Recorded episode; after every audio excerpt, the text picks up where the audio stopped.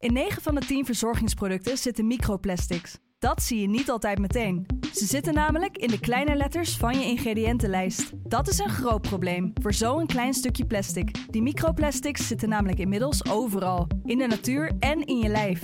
Gelukkig zijn er ook merken die gewoon microplasticvrij zijn. Want dat het anders kan, dat weten we bij Weleda, Lekker Company, Marcel's Green Soap, Naïef, Smaal en Witlof wel. Dus check de kleine letters. Die hebben de grootste impact. Studio Socrates wordt mede mogelijk gemaakt door Unibed. Há muito tempo você está no meu caminho. Como posso esquecer?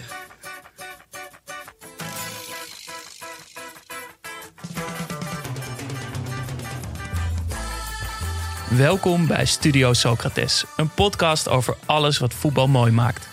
Met deze week weer een gast. We gaan het met fotograaf Maurice van S, de man achter het onvolprezen Instagram-account Scant Voetbalfoto's, hebben over voetbalfotografie.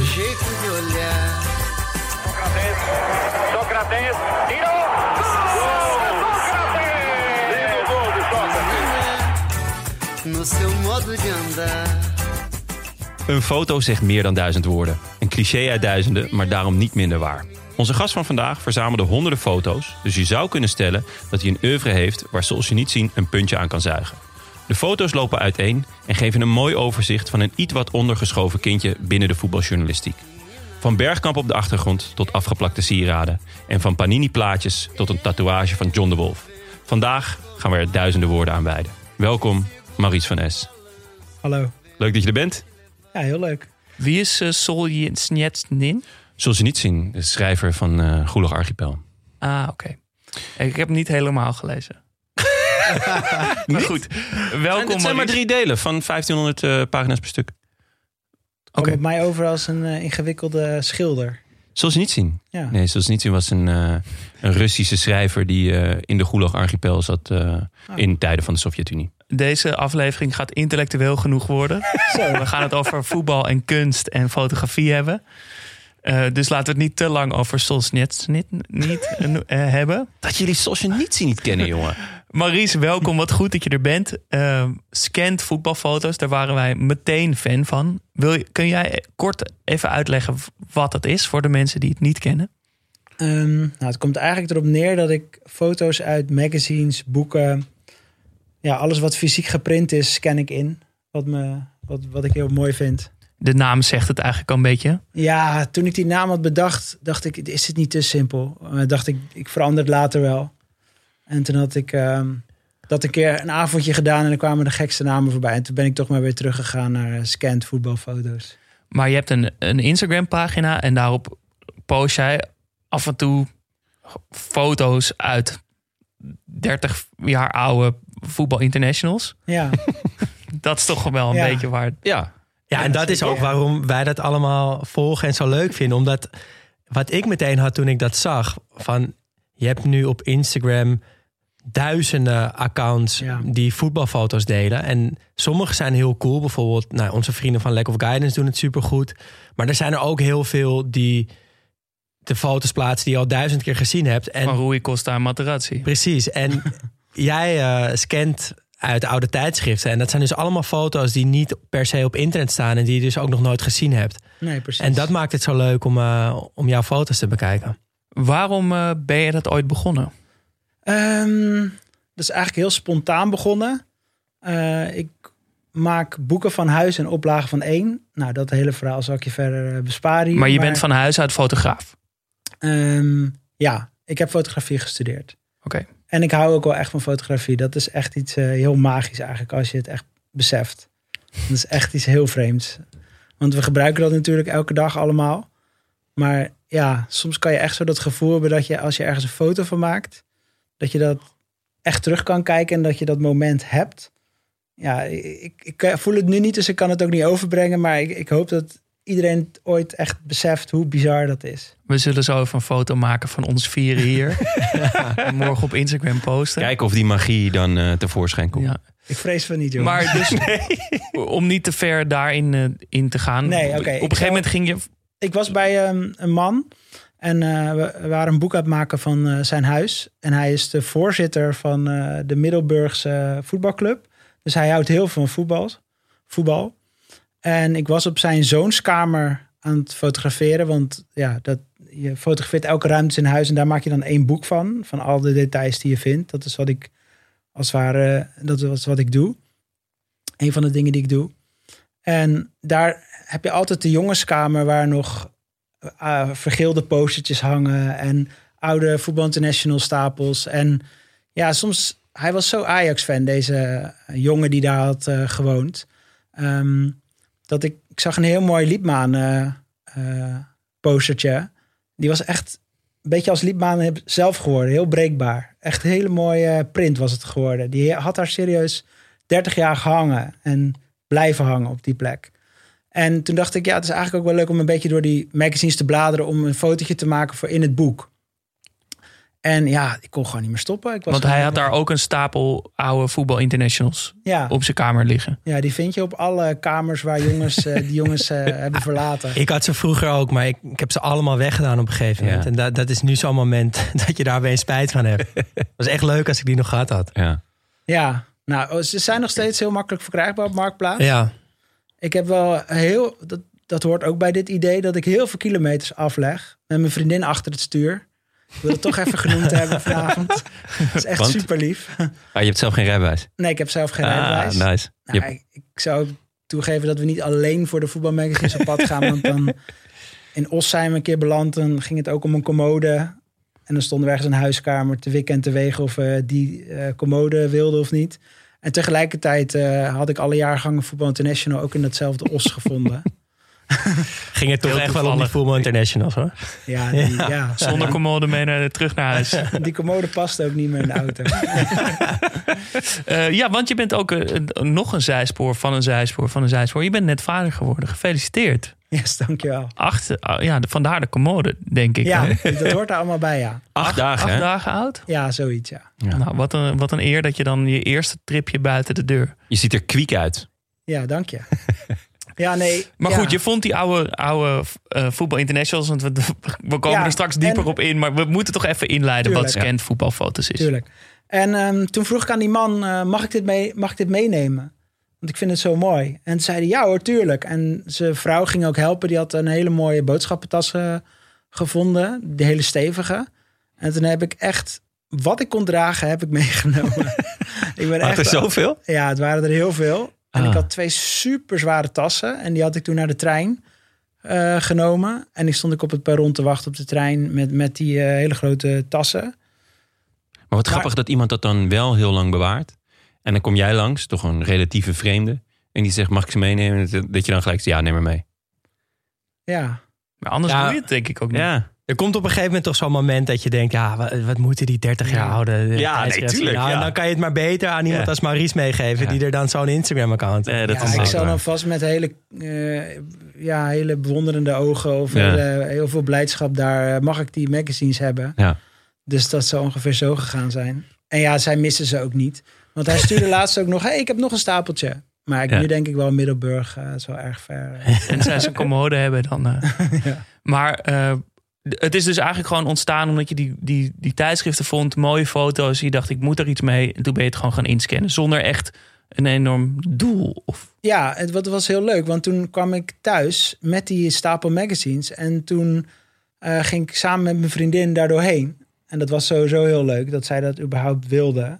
En eh, toen zijn we allebei, wij noemen dat knipselen in huis. Dat is, dat is iets wat wij doen. Doen we ook met allemaal andere magazines. Maar het komt doordat, soms dingen moet je misschien een beetje half uitknippen of zo. Maar er zit, ik ga alles eruit knippen. Ah, Nee, jongen, we knippen helemaal niks. er zit op Marktplaats is een account en die heet De Knipselaar. En dan kan je werkelijk van elke beroemdheid, ook voetballers, kan je 100 of 120 knipsels bestellen. maar die man, daar valt niet mee te praten. Die wil helemaal niks prijsgeven van hoe, die, hoe zijn huis eruit ziet. Want ik was zo gefascineerd door die man met al die knipsels. Dus bij ons kwam heel snel het spreekwoord knipselen. hey, gaan we vanavond knipselen? En ja, nou, dat vonden wij ook leuk. en dan gaan jullie met z'n tweeën op de vloer met, een stapel Ja. tijdschriften. En allebei een schaar in de hand. Een beetje Ja. tegenover elkaar zitten knippen. Het begon in de slaapkamer in bed. En het breidde zich al heel snel uit naar de woonkamer. En één nacht was de he- het hele huis knipsels. Want we hadden alles eh, gecategoriseerd. En mijn vriendin had echt hele leuke categorieën gemaakt. Eh, Ja, dat was echt heel leuk. Want Ja, zij, vet. zij heeft gewoon een andere blik. Leuk. Ja, Jasper, eh, jij bent ook een fanatiek knipselaar. Daar gaan we het straks nog wel over hebben, denk ik. Dus eh, ik denk dat jullie nog wel wat raakvlak eh, hebben. Laten we het eerst hebben over wat voetbal mooi maakte dit weekend. Ja, Ehm, nou ja, la- laten we vooral even terug, terugblikken op onze allereerste proefvoetballer, jongens. ja, ja, ja, ja, ja. Vorige week hadden we natuurlijk Urbi en Manuelson te gast. Wat ons betreft smaakte dat naar meer. Ik vond het ontzettend leuk. Ja, ik vond, vond- ja, ik vond het ten eerste bij Riff buitengewoon gezellig. Echt een leuk gast was zijn oom.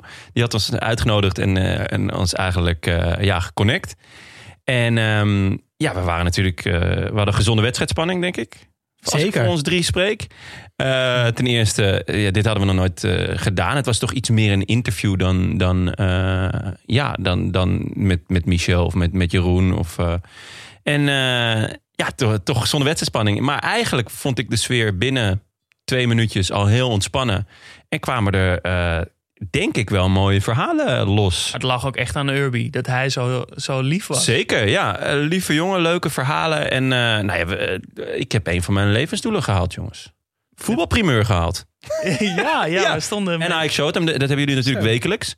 Met Studio Jaxi. ja Maar daar staan we wekelijks op inderdaad. Maar voetbalprimeer was, was wel nieuw. Het was een primeurtje. En ja. ja, Urbi deelde het ook zelf op zijn Instagram. Volgens mij vond hij, eh, vond hij het heel leuk. Dat, ze- dat zei hij ook na afloop. Ja. Ehm, en dat, bleek gevoel ook wel. eh, ik, heb, ik luister onze podcast eigenlijk nooit terug. Maar ik heb deze toch in Vlaarden wel teruggeluisterd. En hij leek het echt heel leuk te vinden. Dus eh, smaak naar meer. Dus Ja. mocht je een profvoetballer zijn of kennen... Ja, het En je liefst, denkt, het liefst dat als het een leuk. neefje van je is. Dat is ideaal. Ja, dat hebben wij gemerkt. En dan, dat, dan komen we naar jouw huis toe. en dan nodig jij je, je profvoetbalneef uit. En dan eh, gaan we een aflevering maken, want we vonden het heel erg leuk. En we kregen ook heel veel hele lieve berichtjes. Dankjewel daarvoor. Ja. En daarin werden we aangespoord nog, met nog meer profvoetballers een aflevering op te nemen. Maar ja, we kennen, helemaal er, we kennen er nul. Dus eh, mocht iemand nog goede tips hebben... Dan Ja, als iemand houden ons aanbevolen. eh, een hoek op kan doen met eh, Bram van Polen. Die hebben we toch al heel lang op ons lijstje staan. En dat hele geile tyfusvoetbal. Dat eh, zou wel mooi zijn, toch? Ja. Of, eh, nou ja. En hebben jullie ook nog oud-voetballers die echt hoog op jullie lijst staan? Want die hebben vaak niks te doen, toch? Eh, Huntelaar. Huntelaar zeker heel hoog. Ik vind de pool voetballers die of net bijna aan pensioen gaat denken... of die net gestopt zijn, is, is voor ons denk ik een soort sweet spot. ja. Nou, Huntelaar haatte de voetbalwereld. Dat is wel een hele leuke dan. Nou, precies. Ja, We kunnen het er ook over koken gaan hebben. Hij Ja. heeft ooit gezegd dat de groenten de toekomst zijn. en dat hij knolselderij car- carpaccio met witte wijn dragondressing heeft gemaakt. Zo. nou, dat, ja, sindsdien. Of dat hij die, eh, die reis naar Normandië met zijn broers al heeft gemaakt. Daar was hij ook altijd heel enthousiast over. Ik denk dat dit wel gaat lukken. nu, Ja. jongens. Ja. jongens. Maar goed, wat eh, maakte eh, los van onze eigen aflevering dan... om onszelf een beetje op de borst te kloppen... voetbal Nou ja. nog meer mooi dit weekend?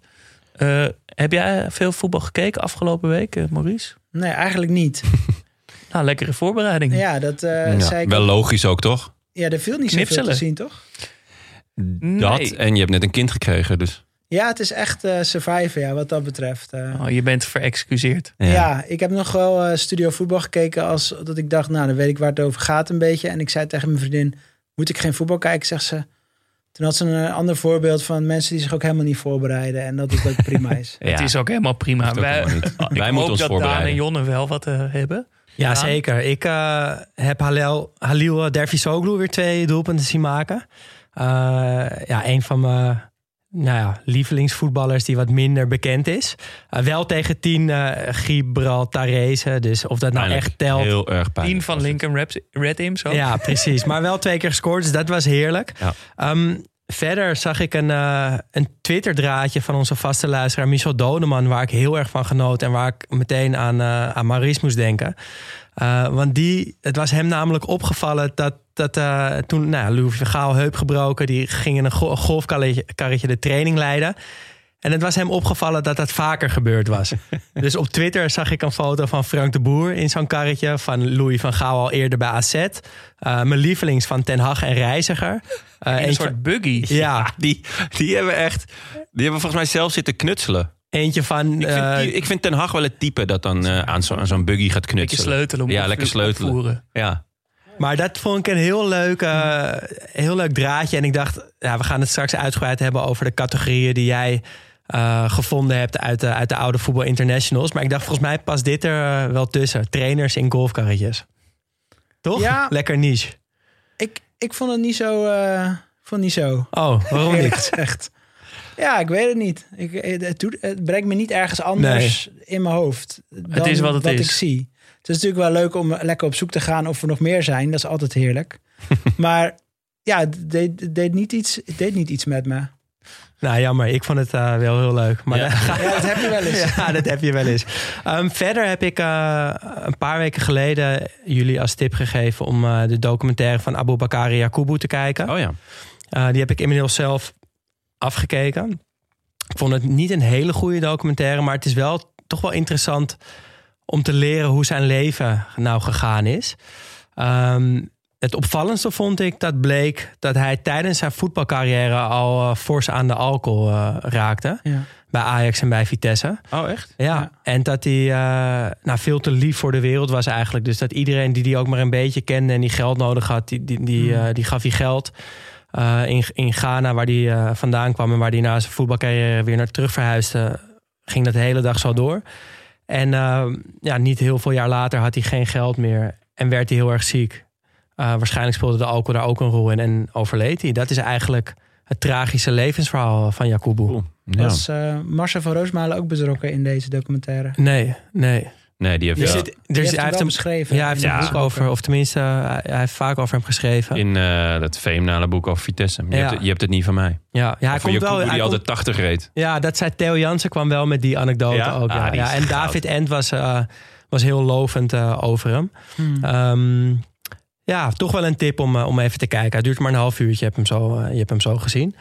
Ehm, en verder kregen wij een leuke voice, een leuk voicebericht van onze vriend van de show, Matthijs van Asselt. En oud-winnaar, hè? Oud-winnaar van de Louis van, Ta- eh, Louis van Gaal voetbaltaalbokaal. Ik ben de huidige, de, Ja. de bezitter van de Louis van Gaal voetbaltaalbokaal. Het is een wisselbeker. Ja. Dus eh, we kunnen hem gewoon weer winnen. Wie weet, is er, komt er ooit een opvolger? Ja, ik, ik hoop het wel. Eh, even naar luisteren. Ja, misschien heel veel inleiden. Het gaat over vor- vorige week of de week daarvoor misschien alweer. Hebben we het even gehad over eh, kledingmerken, kleine kledingmerken die voetbalclubs sponsoren. En of daar er misschien meer van zijn. En Matthijs had daar een eh, leuk verhaal over. Ja, boys, Matthijs hier. Eh, je weet wel, de houder van de Louis van Gaal voetbalbokaal. Hey, ik hoorde Daan in de laatste aflevering hopen dat de Daily Paper een grote club gaat sponsoren. En daar wil ik even op reageren. Want eh, Daily Paper heeft namelijk samen met Kappa het huidige shirt van Red Star FC ontworpen. Het is een prachtig shirt, geweldig product. Absoluut aanraden. Ik heb hem zelf thuis ook. Eh, anyway, Red Star is een club uit Parijs die uitkomt in de Ligue Nationale, het eh, derde niveau van Frankrijk. Ze bivakeren momenteel wel op een iets wat teleurstellende 15e plek, wat degradatie in plaats van een beoogde promotie zou betekenen. Eh, maar dat geheel terzijde. Want, veel belangrijker, het is een zeer maatschappelijk betrokken club. Voor op het shirt bereikt bijvoorbeeld het logo van Linked Out, een campagne van een non-profit organisatie die erop mikt om dakloze mensen met minder kansen op de arbeidsmarkt een professioneel netwerk te bieden en uiteindelijk een baan te bezorgen.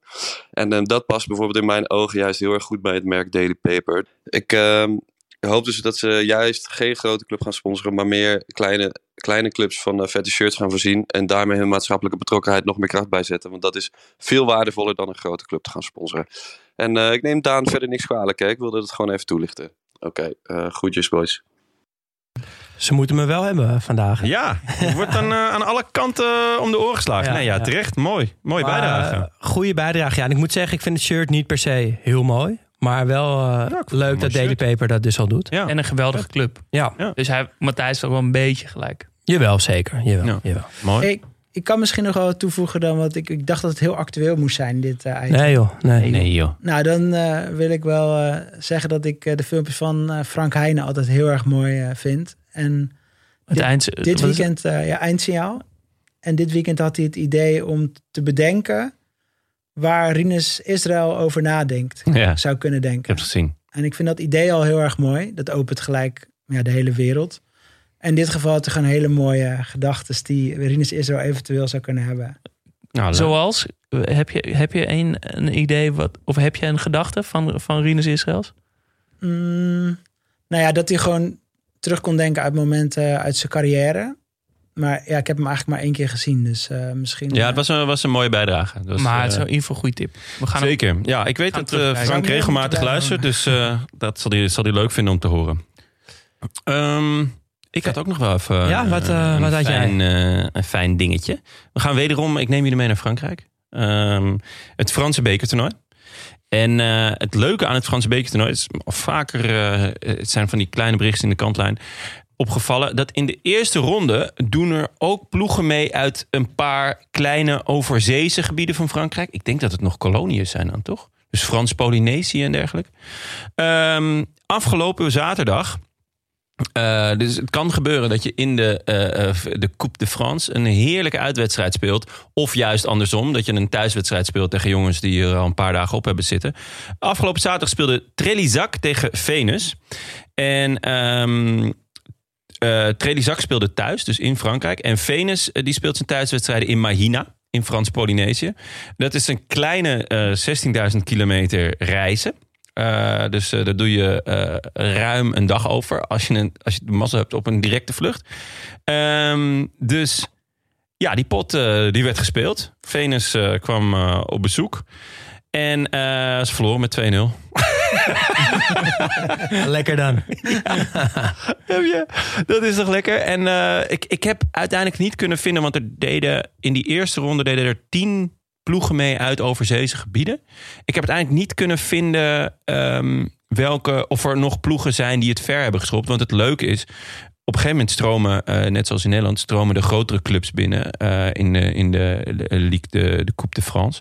Dus ja, dat zou wel vet zijn, toch? Als, eh, Is wel eens gebeurd volgens mij dat zo'n club Ja. wat verder kwam. Ja. Dat het inderdaad tegen een, grote cl- club loopt. Ja, dus eh, dat zou wel vet zijn, toch? Paris Saint-Germain lekker naar, eh, even op dinsdagavond naar eh, Frans-Polynesië. Heerlijk. Dus eh, ja, schitterend. Be- sowieso bekertoernooi, ja, altijd genieten. Vanwege dit soort rare, rare dingetjes. Mooi. Goeie, goeie tip. Even hoe, Jas? Nou, ik, eh, ik ben sinds eigenlijk door onze eigen uitzending weer extra fan van Xavi geworden. door de spacetime van, eh, ja, waar hij het over heeft. Ja. En hij is terug.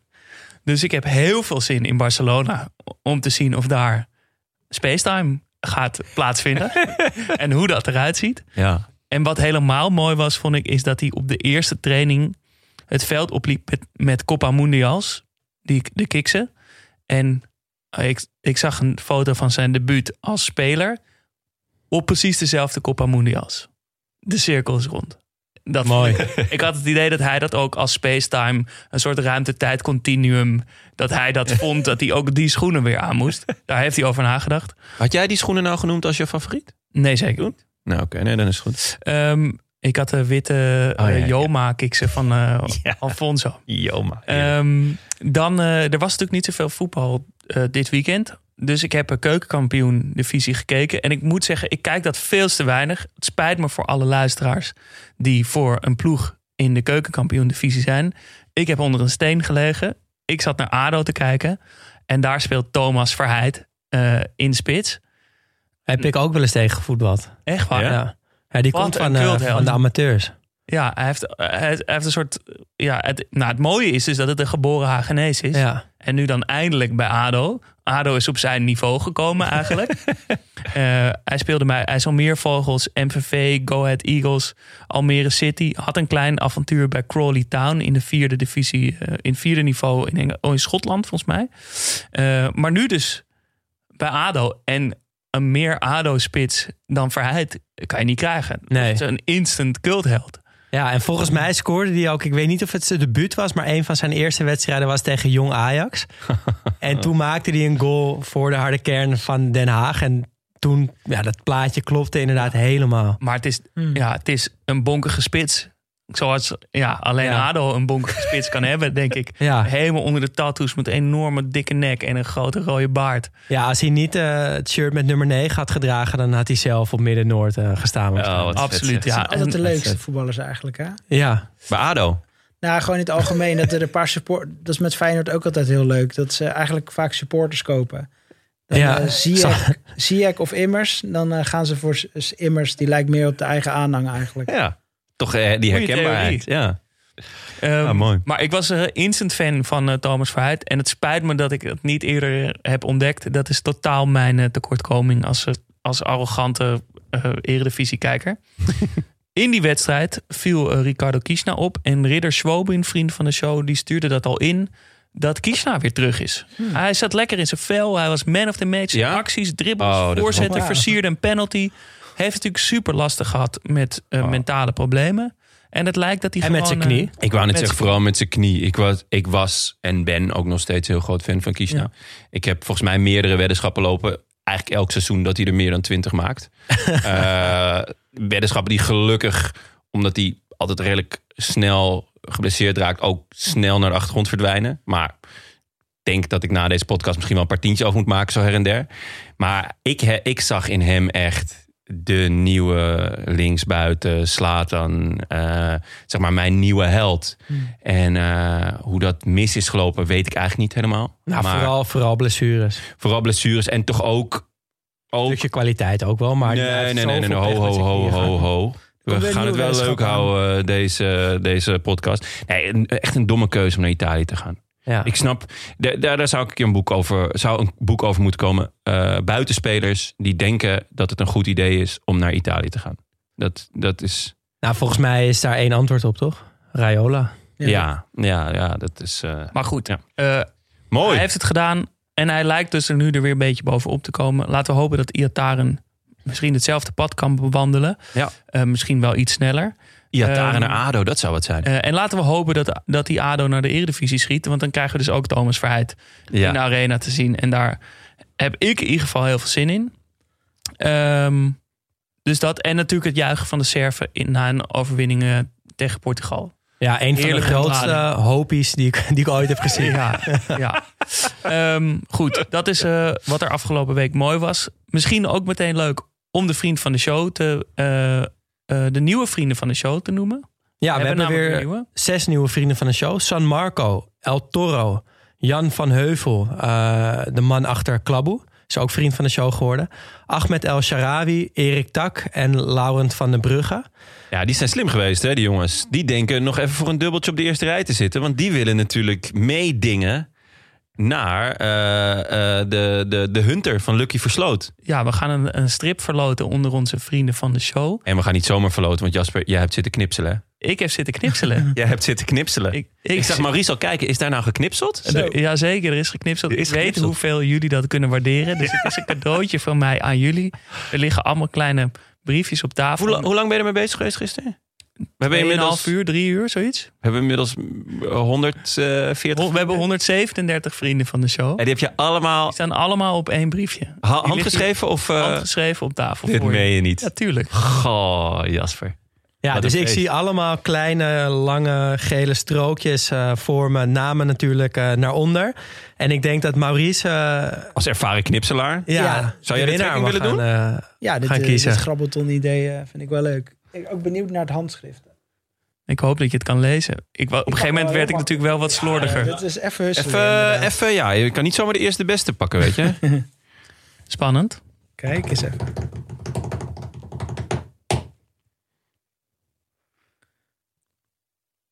Nou, nou. dat is een hele rudende. Ru, ru, Volgens mij heet hij Rudude. Of Ru- Rudude. Rude Rudude. Rude oh, Rudude. Ik dacht dat het een N was, maar dat is bij jou een U. Rudude. Ja, na, na, na Commentaar 40 namen was ik ook wel, heb ik me er een beetje vanaf Jasper, kan, kan je eh, even voor de zekerheid? Ja, even- Rudude. Rude Rudude. Nou, Rude. Rude. Ehm, laat van je naam. horen. Eh, kom maar naar beneden. Je gaat door voor de koelkast. Eh, en eh, laat even je... stuur, slide even van onze DM. Is dat, klopt dat zo? Dat ja, stuur ons een mail of een Instagram berichtje of via vriend van de show. Ja. Ehm, Dan komt de, de de strip Hunter van de Hunter. Ja. Met als bad guy iemand die toch wel verdacht veel op Dirk gokken bij het tank- tankstation Kuit lijkt. Absoluut. Yes? Nog Goed. één vraagje Ja. heb ik nog. Eh, hoe laat is de keukencompetitie tegenwoordig te zien? Want dat is vroeger altijd zo half twaalf op vrijdag. Waar zie je dat nu?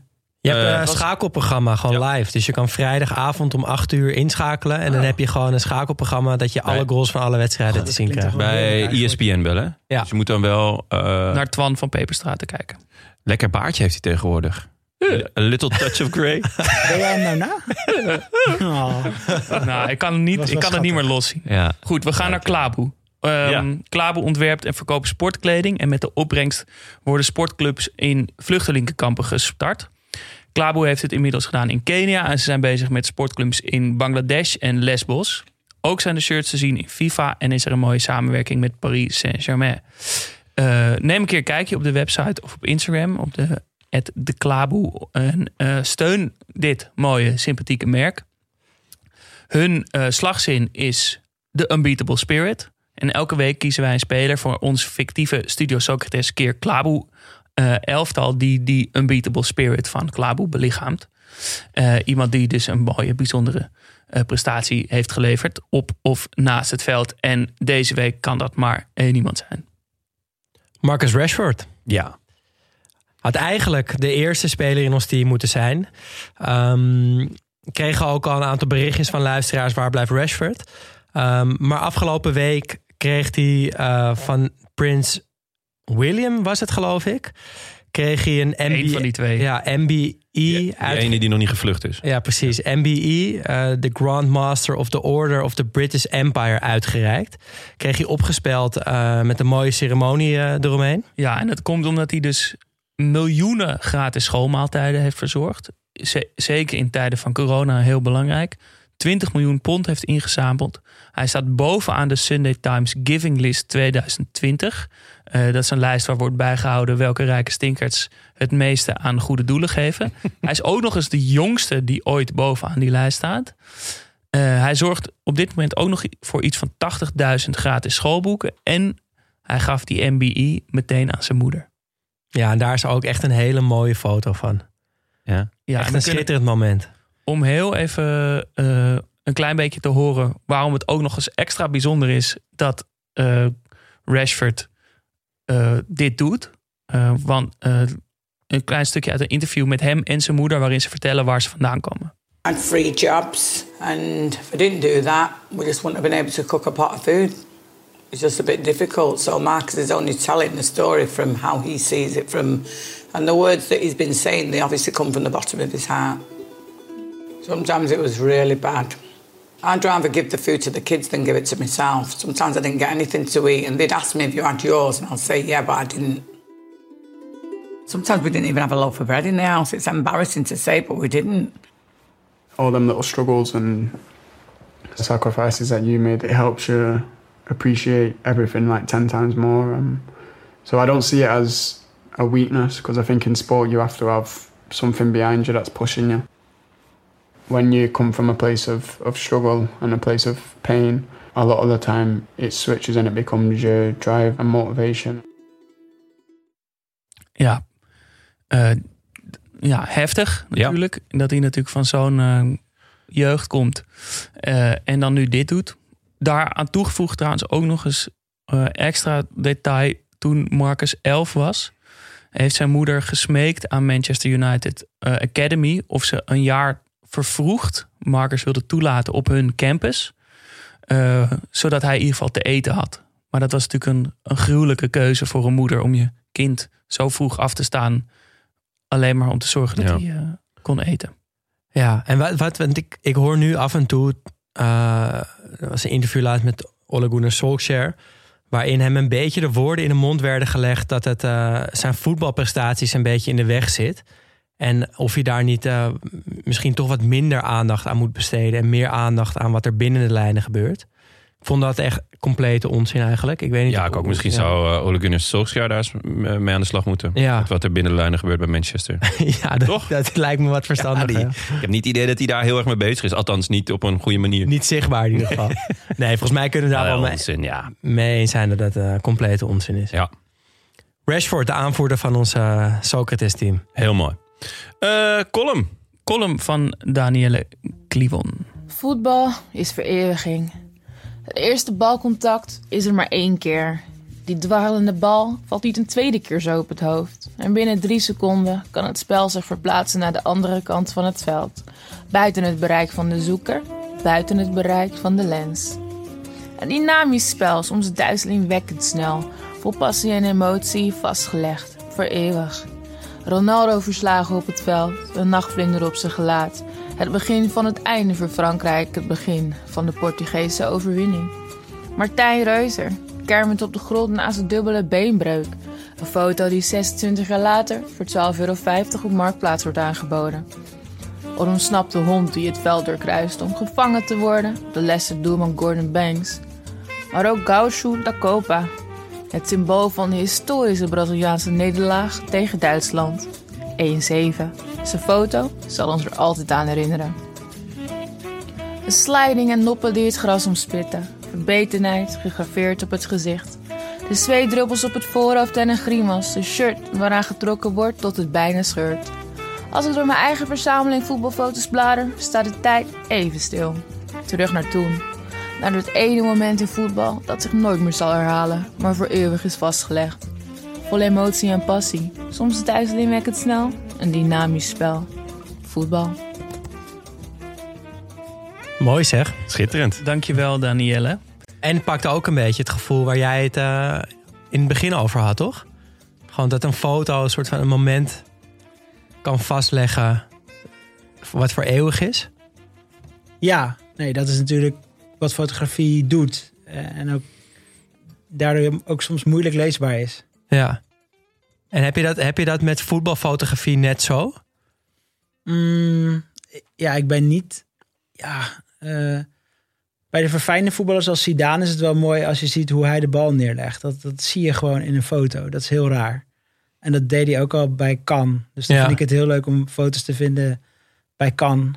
Toen hij daar nog speelde. Dat je gewoon ziet hoe hij de bal neerlegt in een foto. Dus dat is dan wel een heel kort moment. Maar over het algemeen ben ik niet zo geïnteresseerd in die, ja, die grote momenten. Die dan, of die sensationele momenten als daar. Daar niet per se. Waar ben je dan wel geïnteresseerd in?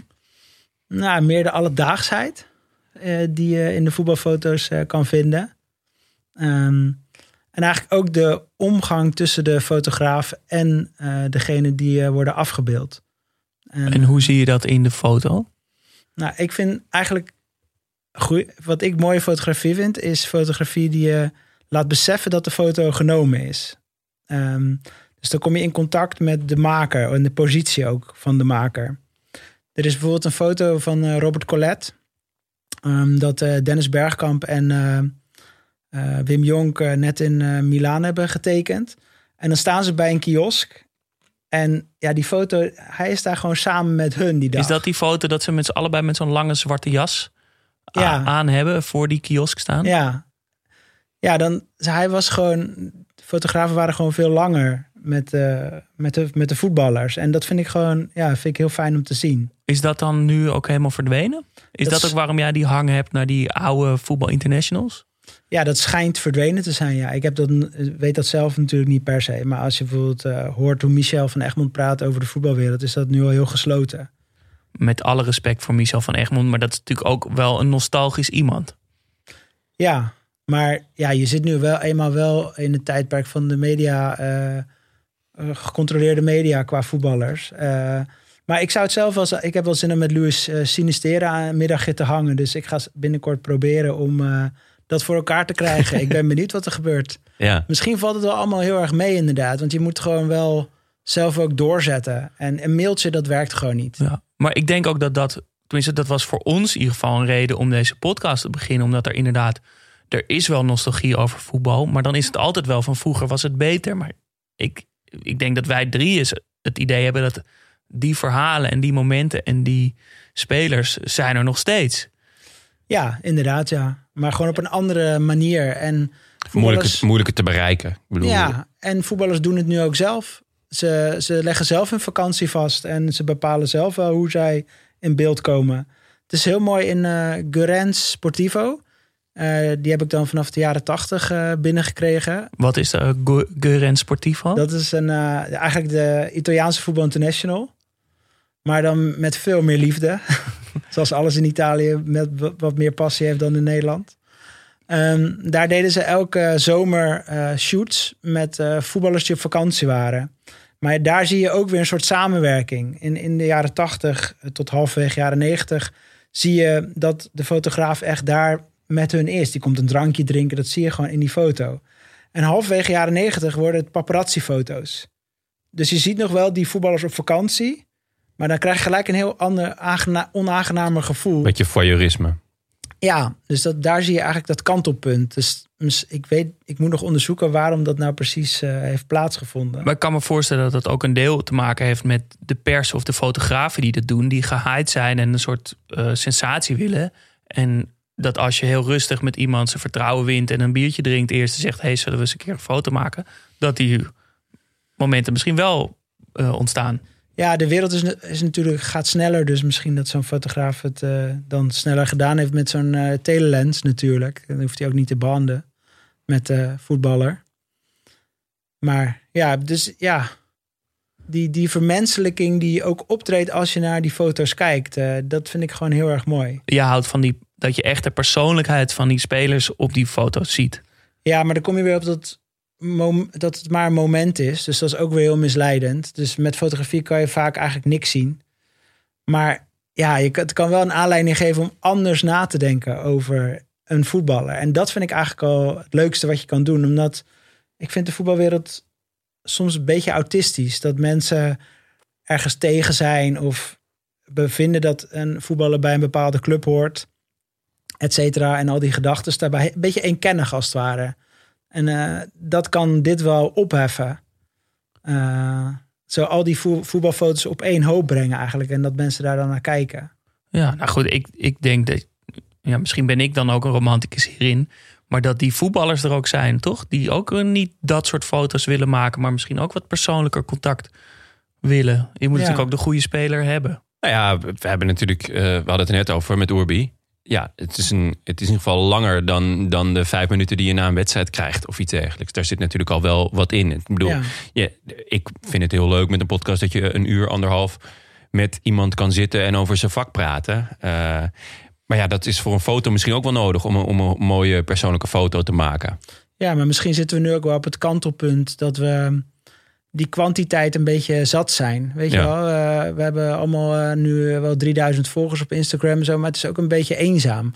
En eh, al die kwantiteit begint een beetje eenzaam te worden. Dus eh, iedereen Ja. heeft wel zin in wat anders nu, lijkt wel.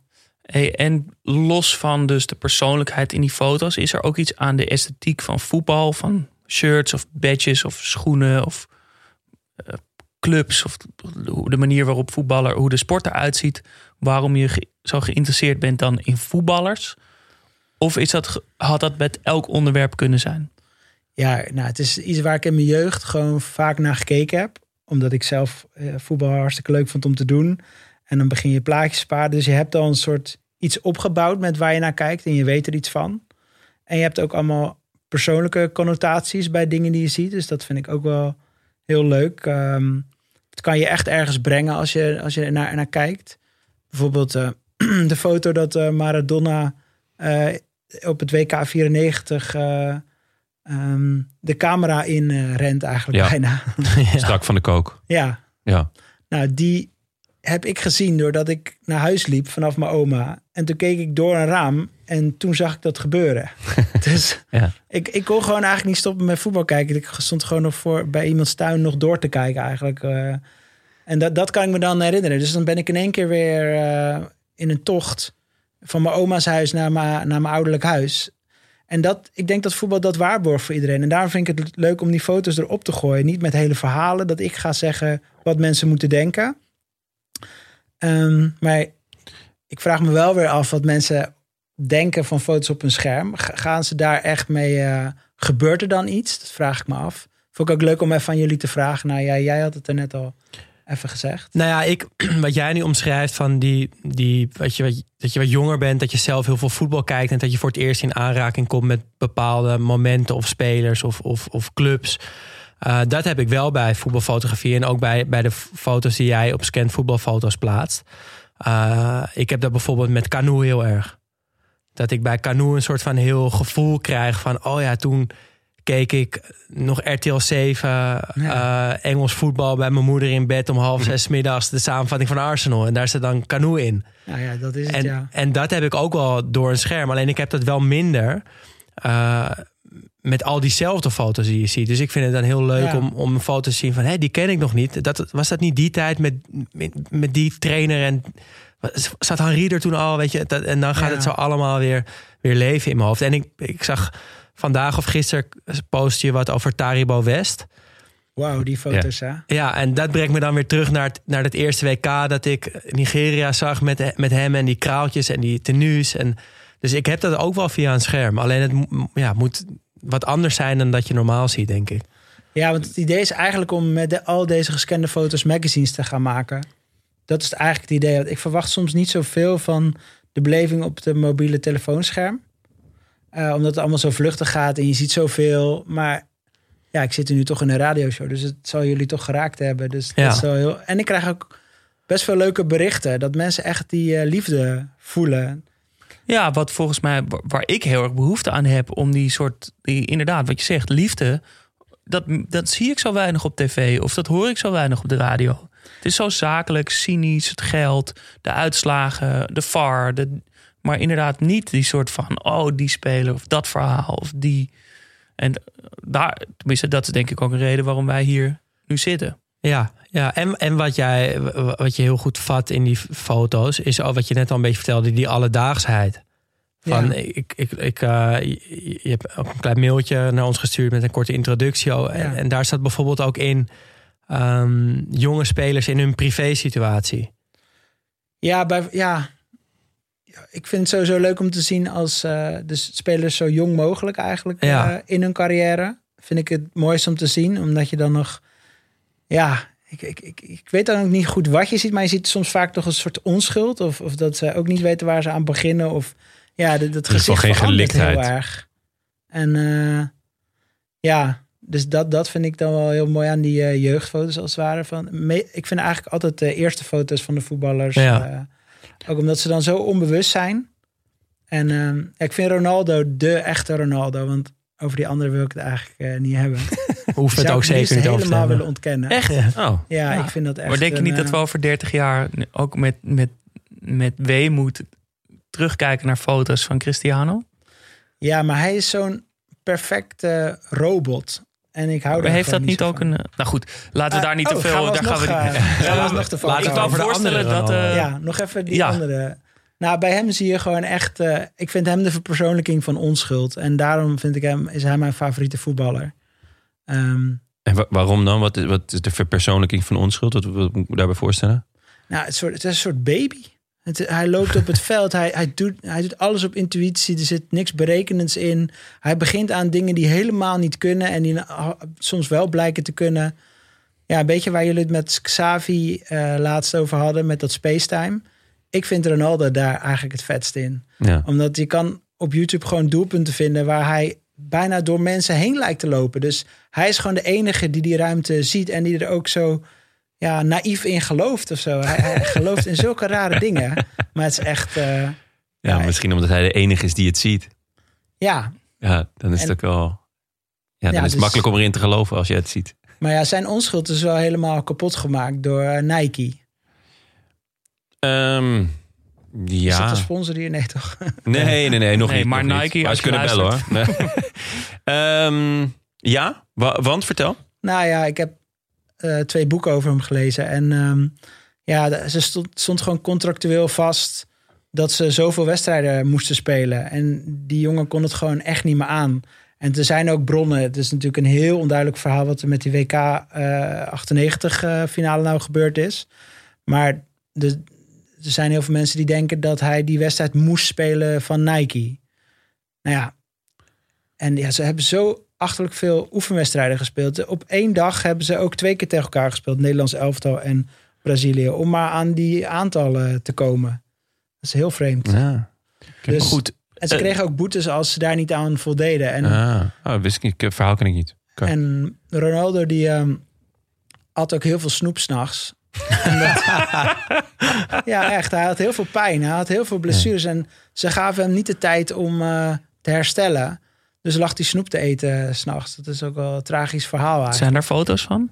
Daar zijn... eh, Nee, ik heb wel Johan Cruijff en snoep. Dat hij een lolly eet om van zijn eh, Ja. eh, rookverslaving af te komen. Ja. Dat vind ik een hele mooie. Zijn, is dat een hele categorie? Ja, die verzamel ik wel. Ja. Leuk. Ja. Hey, er staat voor jou staat een, een, een heel dubieus pakketje op tafel. er liggen natuurlijk een heleboel gele eh, kleine loodjes nog. Maar er staat ook een soort ingepakt met bruin tape pakket. Ja, Die heb jij voor ons meegenomen. En een heleboel albums. Kan je, ga je dat nu openmaken? Ja, dat was een idee van mijn vriendin. En mijn vriendin die eh, noemt me tegelijkertijd eh, nerdy als ik met die voetbalplaatjes bezig ben. En tegelijkertijd doet ze dit nog even in mijn handen als ik eh, bij de deur sta. Dat zou leuk zijn om dat even uit te pakken. Ja, is, ga je gang, zou ik zeggen. Als jij daarmee aan de slag mee, hè, gaat, dit, dan wilde ik mezelf ook een beetje hier naar voren schuiven. Want ik ben, eh, ik mag het gewoon zeggen, ik ben curator in een, eh, in een museum met moderne kunst. Dus ik voelde me ook geroepen om een soort eh, verband te leggen tussen Leuk. voetbal en moderne kunst. En dus te onderzoeken of dat eigenlijk wel bestaat of, of dat er is. En ik ben op een paar wel geinige, leuke leuk, dingen aange, opge, op, hoe noem je dat? opgestuit. Ehm, want er is niet zoveel. Als er al voetbalkunst is, dan zijn het vaak hele cliché beelden van voetballers. Kijk uit, eh, Maurice, dat je niet. dat er gevaarlijk uit. Ehm, maar meestal zijn natuurlijk een soort iconische beelden van juichende voetballers. En is dat niet zo heel interessant. Maar wat me opviel was in 2012 maakte Eddie Peak een performance. Die heette Touch. En daarin speelden eh 11 tegen 11 eh, mannen in een galerie voetbal tegen elkaar. Alleen eh, de enige manier om te- zien wie bij welk team hoorde... waren aan de kousen en de voetbalschoenen. Want voor de rest waren ze geheel naakt. En het was een voetbalperformance en het ging over de mascu- masculiniteit... en een soort homoseksualiteit die niet bestaat in de kunst... en natuurlijk ook het mannelijk lichaam, het naakte bestaat in de... je? Eh, sorry, ja. Eh, natuurlijk wel in de kunst. Ja. En ook de, die naakte lichamen in de kunst, die natuurlijk ook onderwerp zijn van, van veel schilderijen. Maar eh, natuurlijk ook in de voetballerij helemaal niet. Ehm, en er staat een foto van eh, online, als je het zoekt. Eh, We zullen het zelf ook op Instagram zetten. En eh, ja, het zag er wel goed uit. Ik vond het er heel goed uitzien. Heel vet. Ja. eh, tenminste, ja. Eh, en er is een, een schilderij van Andy Warhol van Pelé. Dat heet Pelé. Toch. En dat is eh, in de typische stijl van Andy Warhol. Weet je wanneer die gemaakt is toevallig? Ja, in 1978. Oh ja. Toen eh, leefde die nu eh, al nog. Want, Ja. wat, waarom wilde je dat ja. eh, checken? Nou ja, ik dacht, is hij er vroeg bij? Maar hij is een beetje laat bij. Dus dan is Pelé al echt al... En natuurlijk ja. ook in Amerika een grote icoon Ja. geworden. Ehm, dan nog een, paar, eh, nog een paar dingen. Je kan naar het National Football Museum in Manchester. Dat is meer gewoon voet- voetbalprularia dan echt kunst. Maar het is een heel museum. Para- Ehm, Paraphernalia. Dan. Paraphernalia. Ik wou net zeggen, dit zijn, dit zijn waarschijnlijk dan kiksen van weet ik veel wie. Ja, ehm, vind je niet dat een hele mooie, iconische Adidas Predator bijvoorbeeld bijna een kunstobject is? Nou, ja, zonder te veel in te gaan over een hele discussie over wat kunst is. Want daar durf ik. Maar wat is kunst dan, ook Jas? Aan te branden. maar ik denk wel dat je er iets mee moet proberen te zeggen of duidelijk te maken. Dat er een idee achter moet zitten. En dat de schoen zelf alleen een gebruiksvoorwerp is. Tenzij je die schoen natuurlijk op een bepaalde manier laat zien en zegt: hey, die schoen is zo mooi, die vind ik kunst. Dan zou je kunnen zeggen: ja, het is een ready-made. Zoals Andy Warhol ook maakte met die soepblikken. Ja. Ook gewoon: dit is kunst. Ja. Eh, en daarmee wordt het kunst. Ja, maar dan ik- moet je het dus wel op dat voetstuk zetten. Ik denk, ja, en ik, ik denk als je, als je onze liefde voor bijvoorbeeld shirts, eh, waar we toch wel kijken naar esthetica. Nou, Maurice heeft ook een prachtig shirt aan. Van welk eh Uh, team? is het? Cruzerio eh, 1993. Ja, dus Eerste van- Ronaldo shirt. Van de eerste echte Ronaldo. eh, Dus eh, je, je ruikt de onschuld er nog aan af. Nou. En ehm, zeg maar, ja, ook. i- Het is iets wat gelijk opvalt. Hij komt binnen, trekt denk je, oh vet, vet shirt. Eh, ik heb zelf, ik heb een stuk of honderd. Ja, het, het is, ik het zit ook heel een tijdje al met, met het idee in mijn hoofd van waarom worden bijvoorbeeld eh, voetbalshirts niet zonder eh, gewoon de merkjes en zo, maar gewoon gemaakt als, als bijvoorbeeld gewoon een katoenen shirt wat je gewoon draagt. Want sommige shirts, bijvoorbeeld, nou, ik zat shirt van Ajax, als je dat gewoon in een normaal katoenen shirt, gewoon heel vet, of nou ja, Feyenoord, hetzelfde verhaal, schitterend shirt of Allebei die shirts, lack of guidance. ja, hebben ze Ja, zeker. Ja, dat kijk. hebben ze, ja, Ah, lekker. Ah, dat is fijn. Nou ja, de, de, dus zeg maar, het zijn, het zijn heel vaak echt wel unieke eh, shirts. En dan, wordt het, dan kan je dus ineens wel zeggen van ja, is het niet gewoon ook een, een vorm van kunst? Of in Ja, ieder geval ja, dan moet puur esthetisch. winkel helemaal. gaan, eigenlijk. Ja. ja. Maar ik denk wel dat je het, voordat je het kunst kan noemen, het op een voetstuk moet zetten en zeggen: hey, dit is kunst. Wat daarop aansluit is eh, Patterns of Play. Dat is een creative agency in Londen. En zij maken met kunstenaars en allerlei bedrijven maken zij. Ja, ze zeggen zelf nieuwe manieren om de beautiful game te laten zien. Dus het zijn kunstwerken en projecten. En ze organiseren tentoonstellingen. Er is nu een expositie door hun georganiseerd. Voetbal Crazy, Voetbal Mad in Londen. Mocht je er zijn, misschien leuk. Ehm, en daarmee doen ze dat dus wel een beetje. Ze hebben bijvoorbeeld een, eh, een foto van de Adidas Predator. Maar helemaal opengeklapt en een Volgens mij heet dat ook de two faces of de two sides of the game. Dus dan is er nog net een soort, eh, eh, soort laag aan toegevoegd. En dan zou je, denk ik, hoe moeilijk het ook is om dat te zeggen, kunnen zeggen dat het eh, kunst is. Ja, ik heb heel diep in de kunstwereld gezeten. En deze vragen, daar, eh, ja, dat, daar komen, komen ze niet helemaal, komen niet helemaal uit. Nee, en Ja, dat is maar goed ook. We hebben nog ruim de tijd door deze podcast. We kunnen het allemaal uitzoeken. Ehm Daan, dat jij, ik zag dat jij ook nog dingen had gevonden. En dan komen we zo bij jou, de inhoud van je mysterieuze doosje, Maurice. Nou, je hebt bijvoorbeeld ook, en ik, dat zou ik niet per se eh, kunst denk ik willen noemen, maar dat is wel een soort van flip van voetbalshirts, voetbalcultuur, een store like 94. Die maken bijvoorbeeld eh, vloerkleden met Zidane, een soort van print en dan niet een print van hemzelf, maar van zijn rugnummer met nummer 21 en van eh, nou, de kleuren van Juventus, de merken, Sony, al, dat soort dingen erop.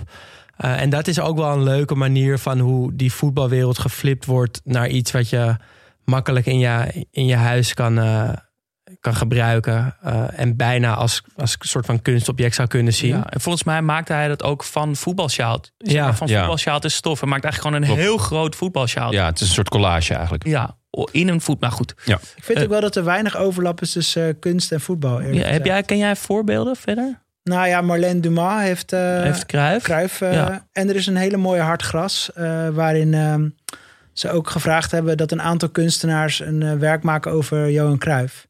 Eh, waaronder Klaas Schubbels. En ehm, ja, het is echt een super mooi nummer. Ja. Super mooie Ja. foto's. En daar zie je dus echt kunst. Maar ik zat er laatst ook over na te denken: van wie doet er nou iets met kunst en voetbal?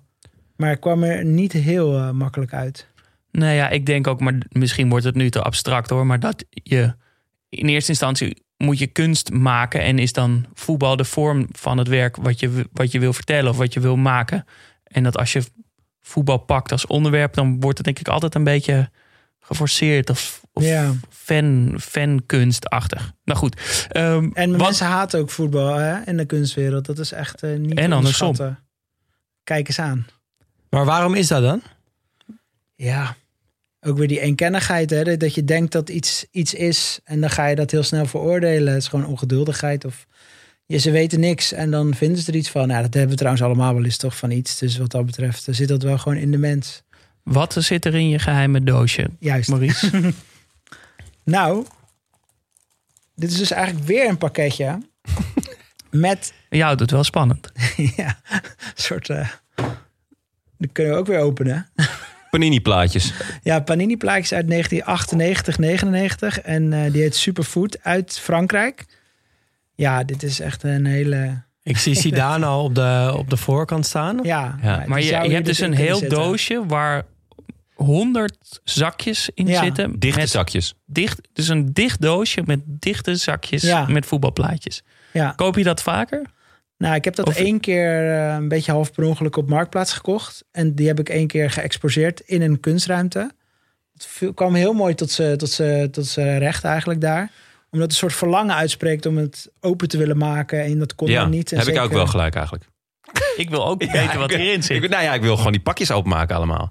Ja. En dan kijken welke je nog niet hebt. Oh, ik heb er ook zo'n zin in. Maar, hey, maar ga je gang, Maurice. Mag dat hier? Natuurlijk mag, Ja, mag dat. Wij, wij Ja. zijn natuurlijk ook heel benieuwd. misschien- nou. Het is Zullen ook wel wij- grappig dat als je het nu openmaakt, dan halveert het al de waarde. Want dan, Echt? eh, Oh, het hoeft niet. nou, jawel. Nou, misschien wel leuk voor een, fo een fotootje. Ja, laat. Maak, maak eerst een fotootje. Misschien kunnen wij dan even gaan naar de, naar de foto's die zijn ingezonden door onze luisteraars. Wij vroegen aan iedereen op Instagram om zijn of haar mooiste voetbalfoto in te sturen. Dat hebben we al een keer eerder gevraagd. Ja. Toen hebben we, denk ik niet duidelijk genoeg gezegd, maar toen stuurden eigenlijk acht van de tien mensen die foto van Materazzi en Rui Costa voor de brandende tribune in. Eh, We dachten, aan Ook de hand mooi. van scan voetbalfoto's kunnen we mensen misschien iets meer duidelijk maken wat we bedoelen. Wat het soort voetbalfoto's waar we naar op zoek zijn. Eh, en er werden hele leuke dingen ingezonden. Ja, even een greep uit de, uit de selectie. Ik zie hier voor me een foto van Ronaldinho, Rijkaard, Messi en nog een andere trainer, denk ik, van Barcelona op een tennisveld. Die ik heel mooi vind. Ja. Met een, eh, vooral een, een priemende blik van Rijkaard naar Ronaldinho, die, die toch wel weer moet lachen. Ja. Eh, er staat een, als altijd Mooi. natuurlijk veel foto's bij van, eh, van de echte Ronaldo. Trouwens, dit was van Rick Rollet. Die En? die instuurde. Eentje die ik echt. Ik, ik ja, kende hem natuurlijk, maar ik was hem helemaal vergeten. De fotoserie van eh, Maarten Stekelenburg, Dirk Kuyt en John Heidinga. In een bar dancing in Brazilië was dit, Ja, geloof ik. ja, ja. ja. Ja, Lemar Stevels stuurde dat in. Ja, En nou, de mooiste foto is denk ik eh, dat je Kuit tussen twee vrouwen ziet. ja. En dat hij met één hand, ja, waar gaat die hand naartoe? ja, toch wel het kruis van die. eh, Maar achter, naar Ja. achteren toe. Waar Ja. gaat die hand naartoe? Dat is waarschijnlijk richting een tankstation. Maar eh, ja, Ja, ik Dik. begrijp het wel, jongens. Die voetballers, die hebben het toch zwaar. Tot een 36e le- we leven een soort keurslijf. En als je dan zo'n avond... Was het ook niet in Brazilië? ja, ja. Ja. volgens mij wel. mhm. Nou ja. Hey, Ja. eh, leef je uit, maar de foto's Ja, mooi. zijn geweldig, toch? En je ziet ook het ongemak en het, dat- dat ze dat ook niet, misschien niet zo gewend zijn. En natuurlijk, die, ik stel me meteen hele soepel dansende salsa-dames in, in die club voor. Ja, dan met drie houten met, klazen. eh, met een blonde Ja. jongens uit Katwijk. Ja. En, En- weet iemand wie deze foto's gemaakt heeft? Of Nou, dat ze zijn een beetje van die, is? van die stiekem opgedoken foto's die op geen stijl... eh, Volgens mij werd het groot uitge- uitgepakt in de Telegraaf of zo. toen, was het zo'n eh, zo'n idee. En welke ik nog niet kende en die helemaal in het straatje valt van wat wij eh, mooi vinden, is een foto van die Boris Korstenhoek ins- instuurde. Korstenbroek, sorry. Van eh, een jonge Wesley Sneijder en een jonge Rafael van der Vaart.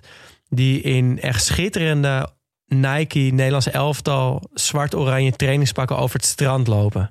ja. Heel mooi. En mijn favoriet eh, is eh, wederom van de winnaar van de Louis van Gaal voetbaltaalbokaal.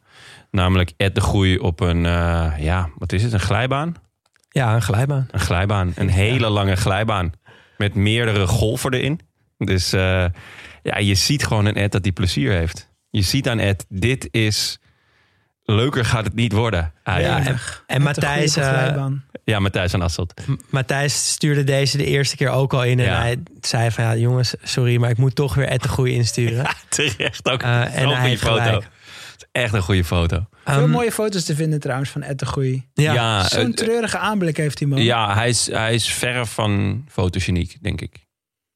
maar daarom juist wel weer leuk om Ja, eh, daarom ook wel te Dat is weer. zien. mooi. Zo, ja, Ehm, skitterend. we hebben natuurlijk ook aan onszelf eh, weer gevraagd.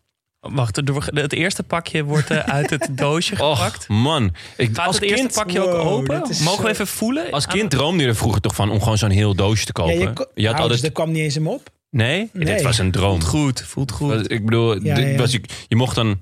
Nou, op zaterdag kon ik van mijn zakgeld kon ik dan iets van drie... eh, één keer, En dan één keer in de zoveel week kon je vier pakjes kopen... omdat je dan een beetje over had.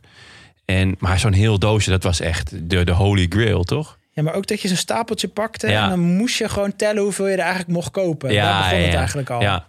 En dan soms nog kijken of je een beetje er doorheen kon Ja, zien kon welke. ja, ja, zeker. Ja, ja. zie ik. Ja. Je kan toch wel wat zien. Ga je, ga, ga je er eentje openmaken of, of hou je ze nog? Nee, ja, nee. Hou je toch zijn. Kom. Mogen wij alle Zo drie ook één pakje openmaken? Kwijlend.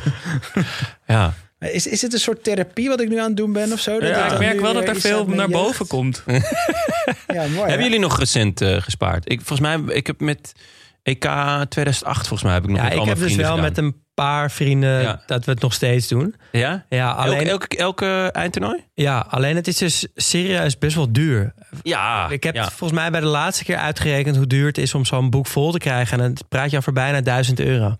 Wow, zoveel? Ja, ja. ja, die pakjes zijn echt duur geworden. Oh, dat Of is je dus moet de losers van de klas bij pesten. Albert Heijn, eh, niet die Albert Heijn dingen. Nee, nee, nee. Ja, dan moet je- gewoon, oh, nee, de echte panini. ja. Gewoon de echte Ja. panini's. Ja, dan moet Ja, je dus gewoon wel nog naar de sigarenboer. Maar Ja. je, ja, je krijgt dus en voor één jaar? ja, echt, je krijgt heel veel dubbele. En om zo'n boek vol te krijgen, dat is echt. eh, Maar je moet goed ruilen. Wij hadden op een gegeven moment, volgens mij was het EK in 2008. Ja, maar als je nu... Toen, en toen, toen op een gegeven moment zaten we met z'n allen eh, in eh, de Edel hier verderop. En er was gewoon een feestje gaande. eh, waar wij- waarvoor wij ook waren uitgenodigd. Maar we wisten van elkaar. Er waren een mannetje of 15 die dat aan het sparen waren. En iedereen had zijn boek mee. En iedereen had al zijn dubbele bij zich. Heerlijk. Dus er was zo'n zo'n halve dansvloer die zo half en iedereen ging was. alleen naar huis. En, ja, dat sowieso. En iedereen zat zo. Oh ja, vet. eh, heb jij die eh, voor mij? Dan heb ik die voor jou. Ah, dat was echt genieten. Heerlijk. Mogen wij eh, allemaal een pakje openmaken, Maurice? Dit was mijn eh, genereuze idee, ja. Oh, wat sorry. leuk. Ik was, ik was zo brutaal Heerlijk. genoeg om dat... eh, is er een bepaalde techniek? Nee joh. Gewoon scheuren. Scheuren. Ehm, maar we hebben inderdaad, terwijl wij onze pakjes openmaken... onszelf ook de vraag gesteld... wat is nou onze favoriete voetbalfoto Hmm. aller tijden? Gaan we dit nu doen? Ik vind dat we, dit, dat we Ja, daar tegelijkertijd. moeten lasten. Ja, dit wordt even stil. Je hoort alleen... Deze plaatjes zijn echt heel mooi. ik waarschuw alvast even. Nou, jongens, dit kan geen toeval zijn. Wat heb je Zie je daar? De eerste die ik zie, Christian Carambeu. Echt? Oh, vet. de held Ja, van de, de show. held van de podcast. Wauw. Nou, en de tweede, ik ga gewoon even door. Nicola Anelka. Wow. De Jij derde, pakje? Nisa Saveljic, ken ik niet. De vierde, Peter Luzet, ken ik ook niet. De vijfde, Emmanuel Petit. Wow, wat een sick pakje. Maar ja, heb, je, heb jij een zilver of niet? Nee, Die helaas hebben- niet. die- die Heb jij een zilveren? Papa wel hoor. Oh, Hè? Strasbourg. Oh, Gewoon het logo van Strasbourg. Of het logo. Nee, het is een jongetje met vrij grote voeten. Voor zijn leeftijd in ieder geval.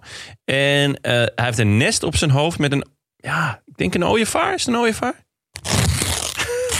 en eh daar staat heel groot Strasbourg. Ik denk dat het eh, een van de speelsteden of zo was dan. heb jij goede Maurice? nee, ik heb... eh, nee. Ah, Nou, gelukkig zitten er nog Je- eh, 96 Je baalt hè, dat je eh, deze drie pakjes hebt weggegeven. Ik heb eh, Heb Thierry Henry bij eh, Monaco. Nee, echt waar? Oh, wat vet hè. Kijken. Oh, die is wel mooi hoor. Skitterend. En voor de rest, eh, Misschien wil die, misschien wil die met je ruilen, Maurice. Maar die, die plaatjes blijven voor mij, toch? ja, Ja, natuurlijk. Nee, Behalve die uh. Karambeu. Behalve die Ik- zilveren. Ik zou... Ja, dit het is niet de reden waarom ik er geïnteresseerd in ben. Maar sommige plaatjes zijn echt eh, veel geld waard op een of andere manier. Echt? Ik, eh, ja, hij mag ze natuurlijk, natuurlijk hebben. Het ging mij Nee, vooral nee, om het openmaken van het Ja. pakje. Van het, eh, Maar ze zijn inderdaad schitterend. We zullen morgen een, eh, een collage, op, ja. op Maar Instagram Het is ook weer plaatsen. heel typisch dat... ehm, ook hier staat de waarde weer heel erg vast in die voetbalplaatjeswereld. Dan, als je bijvoorbeeld een heel mooi plaatje vindt van eh, Paul Bosveld bij Go Ahead Eagles... wil niemand hem hebben. Die gaat echt voor 25 cent weg daar.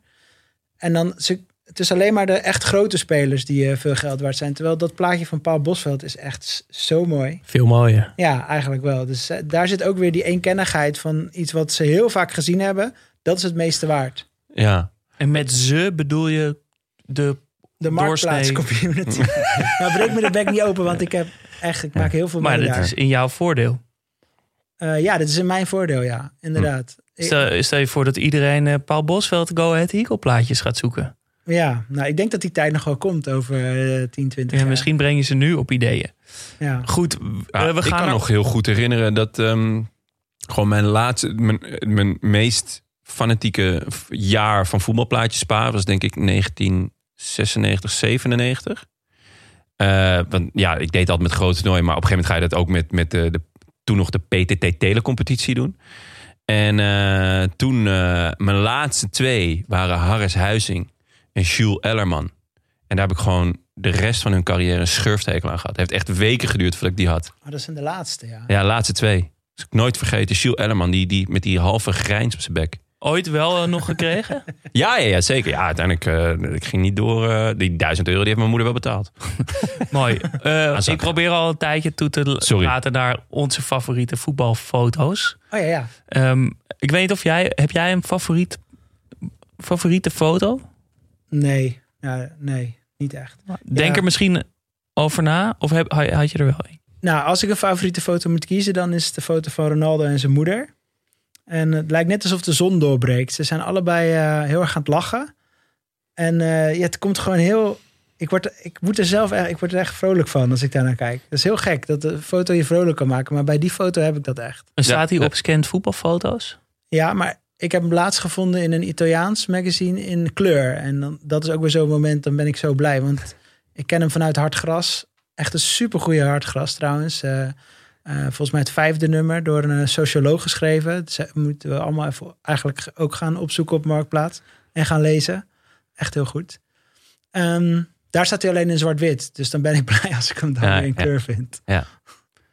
Goed. Ja, ik heb hetzelfde hoor met mijn favoriete foto. Ik, moet, ik word er ook heel vrolijk van eh, als ik er naar kijk. Dat is ook de reden dat ik hem heb gekozen. Ehm, het is eh, een foto van Slatan en Ronaldinho die, die met elkaar aan het dollen zijn. En eh Slatan speelt bij Barça, Ronaldinho bij AC. Wat een beetje die, de omgekeerde wereld is eigenlijk. Want ze hebben natuurlijk bij, bij die clubs furoren gemaakt, maar dan andersom. Ehm, en het lijkt zelfs een beetje alsof Ronaldinho Slatan aan het kietelen is. Eh, ze, moeten, ze zijn echt ook een beetje aan het, aan het giebelen. Als, als een, beetje, beetje als tieners. Ik weet van Slatan dat hij echt murder groot fan is eh, van Ronaldinho. Altijd ge- geweest en altijd gebleven ook. Eh, en dit zijn mijn twee eh, favoriete voetballers aller tijden. Dus eh, gewoon, zij deden dingen op het veld die, ja, die we op straat deden, probeerden, wilden, hoopten. en dat dit ook op een veld kon eh, met, met, met trainers die stonden te, te, te schreeuwen en over dat het eh, zakelijk moest en die bal moest en weet ik wat. Eh, dat zij dat deden was voor mij echt een, een, een, een, een verademing en ook een eye-opener. En eh, dat ze er ook allebei zoveel plezier in, in hebben altijd. Ze, het zijn twee spelers die mm, veel lachen. Slaat is ook wel vaak boos. Ehm, maar Ronaldinho lacht eigenlijk heel veel. Ehm, slaat dan op deze foto dus ook. En daarom, eh, ja, het- echt een gouden foto. Ik snap heel goed dat je vrolijk wordt. eh, Ja, toch? deze. Ja, Ja. zeker. Ja. Ehm, ja, mijn favoriete foto hebben we al een keer besproken. Ik zal het daarom even kort houden. Wel Ronaldo staat erop, eh Maries. Maar dus met eh, ja, mijn- een van mijn favoriete spelers, Nwanko Kanu. En ik heb hier heel erg het gevoel dat ze allebei... Kanu vanuit Nigeria en, en Ronaldo vanuit Brazilië... soort van geteleporteerd van, vanuit de favela en een pleintje daar... zo in eh, San Siro. En dat vind ik een heel romantisch beeld. En ik zie volgens mij ook een soort van trotsheid dat Ronaldo, dat Canu met Ronaldo op de foto mag. Ja. Eh, en er straalt ook een soort van positieve arrogantie van beide uit, die ik ook heel mooi vind. Ehm, en natuurlijk, ja, dat, dat Inter-shirt met het logo in het midden en die, en die ster erboven, dat, dat maakt de foto voor mij helemaal af. Iets Pirelli anders. als eh, sponsor. Ja, iets anders wat ik ook nog graag even wilde noemen is... ik vind het zo raar dat teamfoto's zo ongelooflijk saai zijn altijd. Ja, vroeger En- niet, nee. Nee, en vroeger, eh Akar van Lack of Guidance eh, eh, heeft mij bij Henk Blanchjaar gebracht. Wat leuk. Een oude fotograaf die teamfoto's op een hele andere manier Vet. aanpakte. Ehm, Ik laat ondertussen wat foto's van Henk Blanchard aan eh, Maurice zien. Vandaar dat je hem ook op de hoort Ja, zeggen. Mooi. Ja, en hij, hij maakte vaak teamfoto's van, van eh, clubs in, in een soort van natuurlijke omgeving. Eh, Wageningen eh, fotografeerde hij bijvoorbeeld op een Wageningse berg. Hij heeft teamfoto's gefotografeerd langs de oever van een rivier... dat ze allemaal aan het vissen zijn. Op, hele, op een soort van hele mooie betonnen trap... in een soort van uh, nou, geodriehoekvorm. Uh, dus een paar van die spelers voor de trap en een paar schuin erop. Uh, en zo heeft hij heel veel foto's gemaakt. Uh, ik denk dat het de jaren 60 waren, dat weet ik niet zeker uit mijn hoofd. En waarom gebeurt dit niet meer? Waarom is er geen Nee. fotograaf die zo'n foto maakt van de Feyenoord-selectie? Of van... Wat, wat een eh, leuke deel van elkaar. Ja. Wij wou nog bericht sturen of hij wat in wou sturen, maar vet. Ja. Ehm, Ja, waarom gebeurt het niet meer? Ja, goede vraag. Het is, het is echt allemaal extreem saai. Eh, van ja, je voetbal- ziet in de jaren negentig nog wel hele raar hoor. Daar heb ik er nog een paar gevonden. Maar dat is wel een beetje... eh, Bijvoorbeeld eh, de, de superboeren worden dan allemaal op een tractor gefotografeerd. Dat zit nog een beetje in deze richting. Ja. Maar Ja. daar word je al snel moe van. We hebben met ANVJ ooit allemaal in boxershort gedaan. Eh, en ik weet eigenlijk niet zo heel goed meer waarom. En dat pakte best wel grappig uit, omdat één jongen, met afstand de mooiste jongen ook, die stond een beetje afgezonderd van de groep. Dus die, de- er zat een heel klein stukje tussen, tussen hem en de groep. Alsof hij, ja, hij was ook model namelijk, alsof hij dacht, ja, ik weet eigenlijk niet of ik hier nou wel bij wil horen. Nu kunnen ze hem er nog afsnijden. Ja, inderdaad. Maar dat was, ik weet eigenlijk niet zo goed waarom we dat nou deden. Maar dat was meer, ja, was gewoon een gebbetje. Mijn eh, favoriet is een foto van Peter Crouch aan het golfen. Ehm, dat heeft niet direct met voetbal te maken. Ehm, het is een Ja. beetje flauw of een beetje grappig. Want Heeft ook weinig met golven te maken. die, die, die club die komt serieus tot zijn knie. Ja. Ik, hij ziet er altijd lang uit. Maar ik heb Pieter Crouch er nog nooit zo lang uitzien zien. Het kader van de foto is ook heel goed, waardoor die er net in past. Ja, Ja. hij bukt voorover en hij wordt net afgesneden. Het, het grappige is ook dat het hoogste punt is, is, is zijn rug. Ja, hij staat Dus echt voorover Een soort bochel. eh, Het heeft lijkt hij. een afrekening van een fotograaf die nog een eh, Die- geschillen had met hem of zo. Maar eh, ik wilde daar toch een, nog een laagje aan toevoegen als curator zijnde. Dat het toch, dat, je, dat als je deze man zo bezig ziet op een golfveld, dan kan je niet geloven dat hij profvoetballer is geweest. Nee. En het staat dus voor mij toch ook dat voetbal de soort meest democratische sport op aarde is. Dat iedereen toch, of tenminste niet iedereen kan profvoetballer worden, maar een profvoetballer kan overal vandaan komen. Eh, en dat, Dat, ja, dat je Crouch daar het levende bewijs van. Nou ja, ja toch wel ook. Ja. Dat je met zo'n lichaam toch nog zo'n goede eh, spits kan worden. Ja. Nou goed. Ehm, we gaan het hebben over wat er komende dagen mooi is eh, op de velden. Ja. Ik heb een eh, heerlijk geruchtje kreeg ik toegestuurd via Twitter. Ik weet even niet van wie. Waarom weet ik dat niet? Nou ja, goed. Doet er ook niet heel veel toe. Want, jongens, er zijn sterke geruchten. Dat ehm oud-trainer eh, van ASWH, Rogier Veenstra... die schijnt eh, volgens het Twitter-account Money Rock Football... in beeld te zijn als coach van de Red Imps. Je clubpie. Mijn clubpie op Gibraltar. Dat is toch ongelooflijk? Ja, Ik Is- denk dat hij dan jou meeneemt als assistent. dat zou echt heel vet zijn. Eh, Echt heel benieuwd hoe ik dat thuis ga verkopen. Maar ehm, er is wel één klein, één klein, eh, kleine beer op de weg. FC Links schijnt ook geïnteresseerd te zijn. Maar ik denk als we kijken naar het palmares van de Lincoln Red Imps. En Vijf keer op rij de quadruppel gewonnen. Dan, dan kan je toch niet voor FC Links kiezen. De underdog. De underdog. De underling. Ja, denk je? Ja. Nou, weet ik niet. Ik ken Rogier Veenstra niet zo goed. Maar Nou ja. ik hoop wel echt dat hij naar jouw clubje toe gaat. Dat hoop ik ook. We, ga- we, gaan het, we gaan het in de gaten houden. We gaan het enorm in de gaten houden. Mooi. Even hoe? Eh, ja, ik, eh Galatasaray Fenerbahce staat op het programma eh, dit weekend. De derby uit Istanbul. Ik ben veel in Istanbul geweest. En ook als die wedstrijd werd gespeeld. En dan was de stad echt een, een, een oorlogsveld. Alles was, straten, hele blokken werden afgebakend. Politie, van die betonnen wegafzettingen, weet je wel. Dat was echt grimmig. Grote menigtes, schreeuwen. Iedereen in shirts. Veel tuteren? Heel veel toeteren. Ehm, en ik vond een heerlijke anekdote over hoe heftig deze derby is.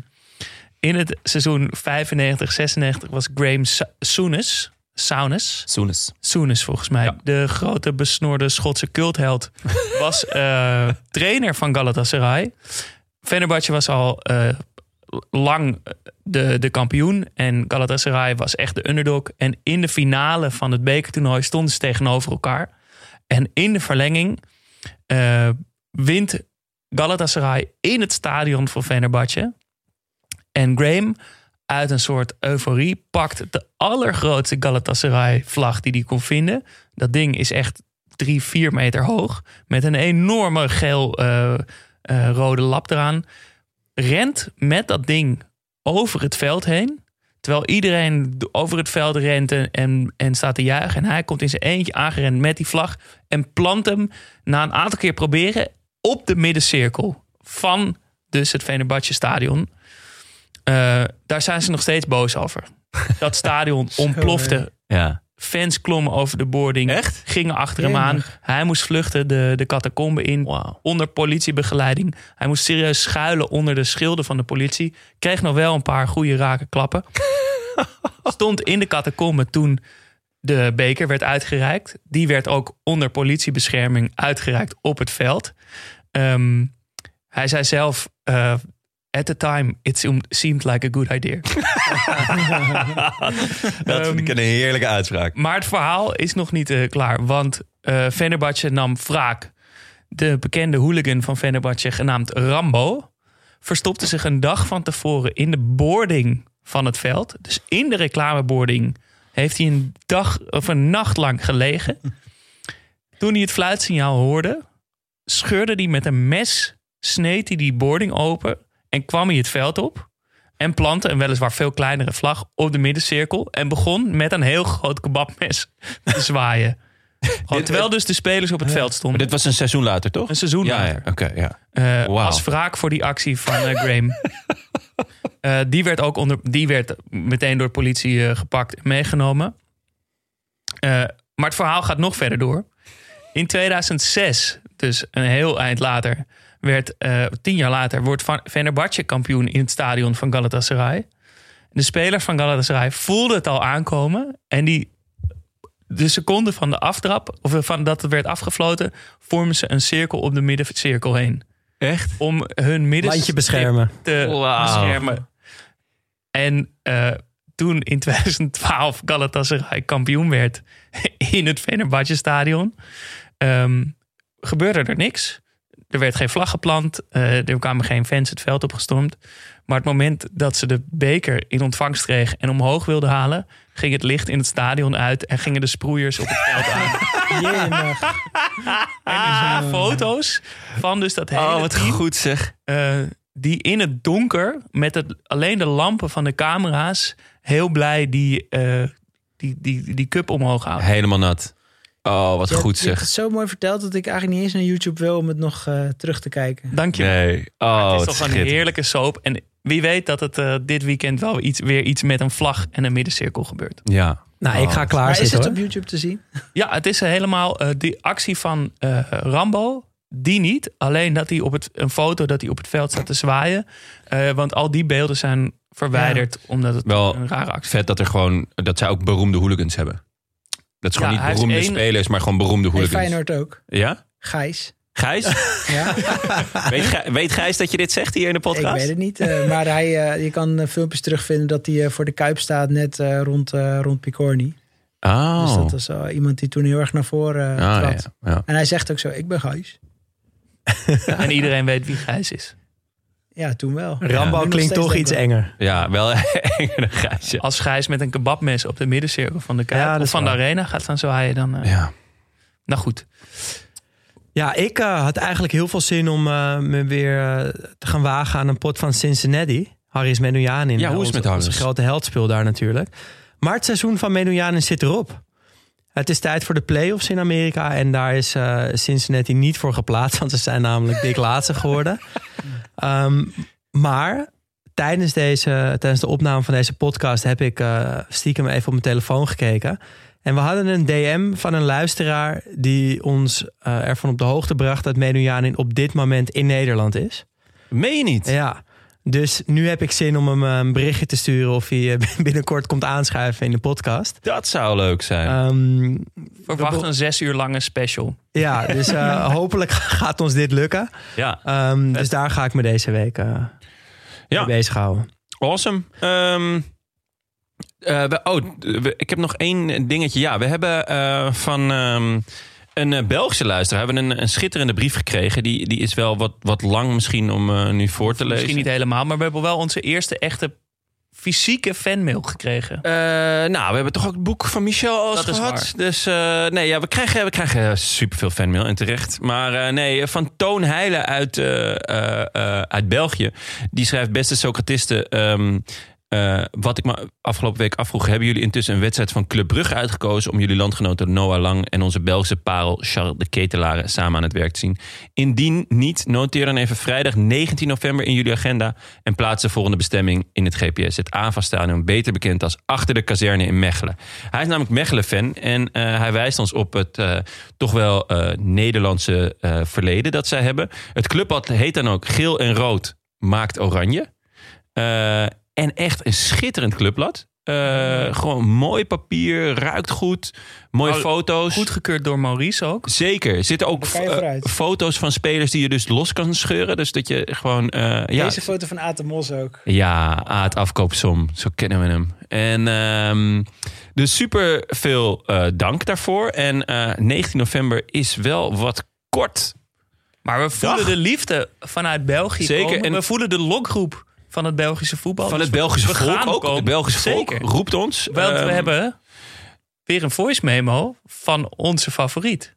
Ja, ja. Komt ie aan. Paling. Hallo Jonne, Paling hier. Begrijp je verwarring tussen Genk en Gent? Wij hebben hetzelfde met NEC en NAC. Die halen wij ook altijd door elkaar. Genk, of Racing Genk, is een tamelijk jonge club. Het is een fusieclub uit de jaren 80. Ze ligt vlakbij Hasselt, de provinciehoofdstad van Limburg, en dus ook vlakbij Nederlands Limburg, of bij Maastricht. Ze behaalden al vier landstitels en een van de laatste landtitels was onder andere met een jonge Kevin De Bruyne en een jonge Thibaut Courtois. De andere club, Gent, of AA Gent, de AA staat voor Atletiek Associatie, is een traditieclub, meer dan 100 jaar oud. Ze noemen ook wel La Gantoise. En ligt in de provincie Oost-Vlaanderen. Het is de hoofdstad van Oost-Vlaanderen. Die grenzen dus tegen Zeeland of Zeeuws-Vlaanderen. Club Brugge is bijvoorbeeld de hoofdstad van West-Vlaanderen. En als Brugge en Gent tegen elkaar spelen, dan spreken we over de slag om Vlaanderen. Ziezo, nu ben je bij. Ja, ik kan maar één ding zeggen. Merciekes. Eh ja, ik heb, ik heb denk ik deze door elkaar gehaald. Ik weet eigenlijk niet zo goed waar en wanneer. Ik denk wij alle drie wel een keer. Ja, ik, eh Gent, Genk. Het scheelt ook maar een lettertje. hè. Maar, eh met dankjewel, NEC Paling. Ja, en NSC en NAC. NEC. Ja, goed. Eh, maar dankjewel, Paling. Echt fijn, eh, fijn om je weer even te horen. En ook eh, zeer vereerd dat het eh, ja. rechtstreeks aan mij was. Ja, en de liefde voor België groeit dus. Ik moet wel zeggen, 19 november aanstaande vrijdag gaan we helaas niet redden. Maar we zijn aan het broeden op een wedstrijdje in januari. Ja. Daarover later meer. En eh, het aller, aller, allerlaatste is dat we voor het eerst een Klaboe-shirt mogen verloten.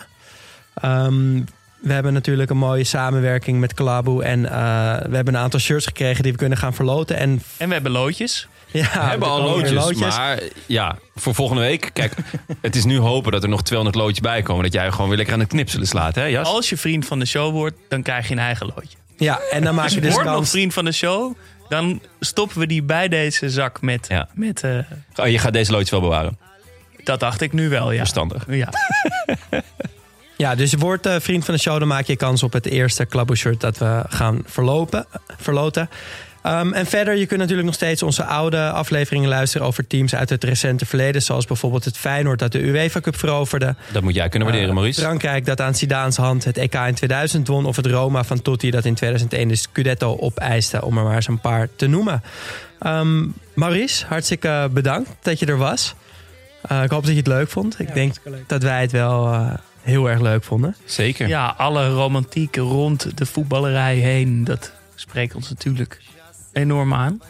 En eh, wij, ik blijf tenminste eh, scan voetbalfoto's op de voet volgen. Doe dat ook als je zit te luisteren.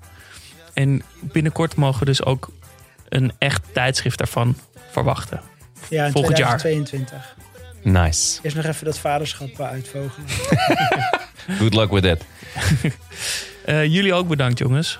Studio Socrates wordt mede mogelijk gemaakt door Dag en Nacht Media. Wil je meepraten? Dat kan. Laat een bericht achter op vriendvandeshow.nl slash Studio Socrates of via Instagram. Studio-Socrates. Mailen kan trouwens ook. Ons e-mailadres is studiosocratespodcast.gmail.com Vond je het leuk? Laat dan een review achter via iTunes of word vriend van de show vanaf 2,50 euro per maand.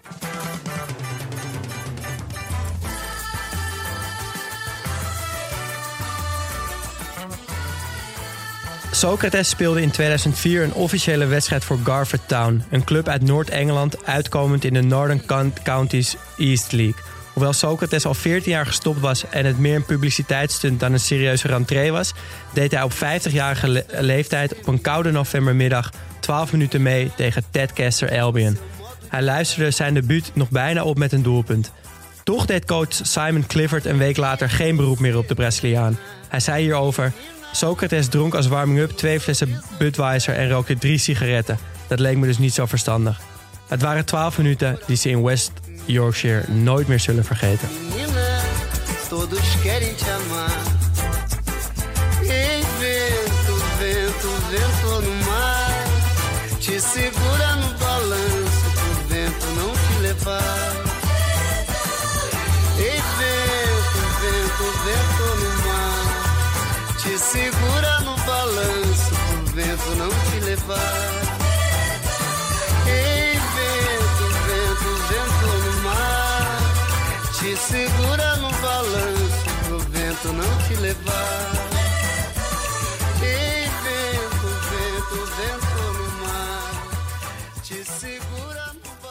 Sorry dat ik net een beetje hebberig werd. Nee, nee, Nee, dat maakt niet uit, Nee, joh. gek. Jij stel stel je voor dat wij hier Dat eh, snap ik. plaatjes We, we hebben hetzelfde, maar ja, wij hebben er niet voor is betaald. echt heel, heel, heel, heel zeldzaam.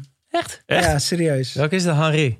Henri bij... eh, Dit meen je niet. En die pak jij gewoon in dit eerste als, pakje? je, als je nu op eBay gaat kijken, dan eh, denk ik dat je gaat schrikken. Ja? Wat vet raar, zeg. hè? Oh, wat leuk. Maar ja, En iedereen echt- kan zo'n box kopen wat dat betreft. Ja. Dus, het- er is gewoon zo'n hele game die ook eh, bepaalt hoe goed het plaatje nog is. Van 1 tot 9 worden ze dan gerangschikt. En als je dan 9 hebt, dan kan je ze in een hele speciale verpakking zelf weer doen. En nou, dan lijkt het echt de heilige graal die wordt aangeboden op Ja? eh, eBay. We zijn net een jaar te laat. Eh 98, 99 van Henri bij Monaco, 40 euro. Ja. 97, 98, Monaco Henri, 952 euro 67. Wow. Maar misschien is die ene niet goede staat. Nee, ik had er net Oh, een van heel veel trouwens. 25. Nou, dat is, dat is nog heel veel? geld. Ik wou net zeggen, ik weet niet wat je voor die box betaald hebt, maar 40 piek eh, voor, een- voor een sticker. oh. Oh, hier. eh, eens kijken, hoe, die, hoe ziet die eruit? Ja, 100 euro staat hier.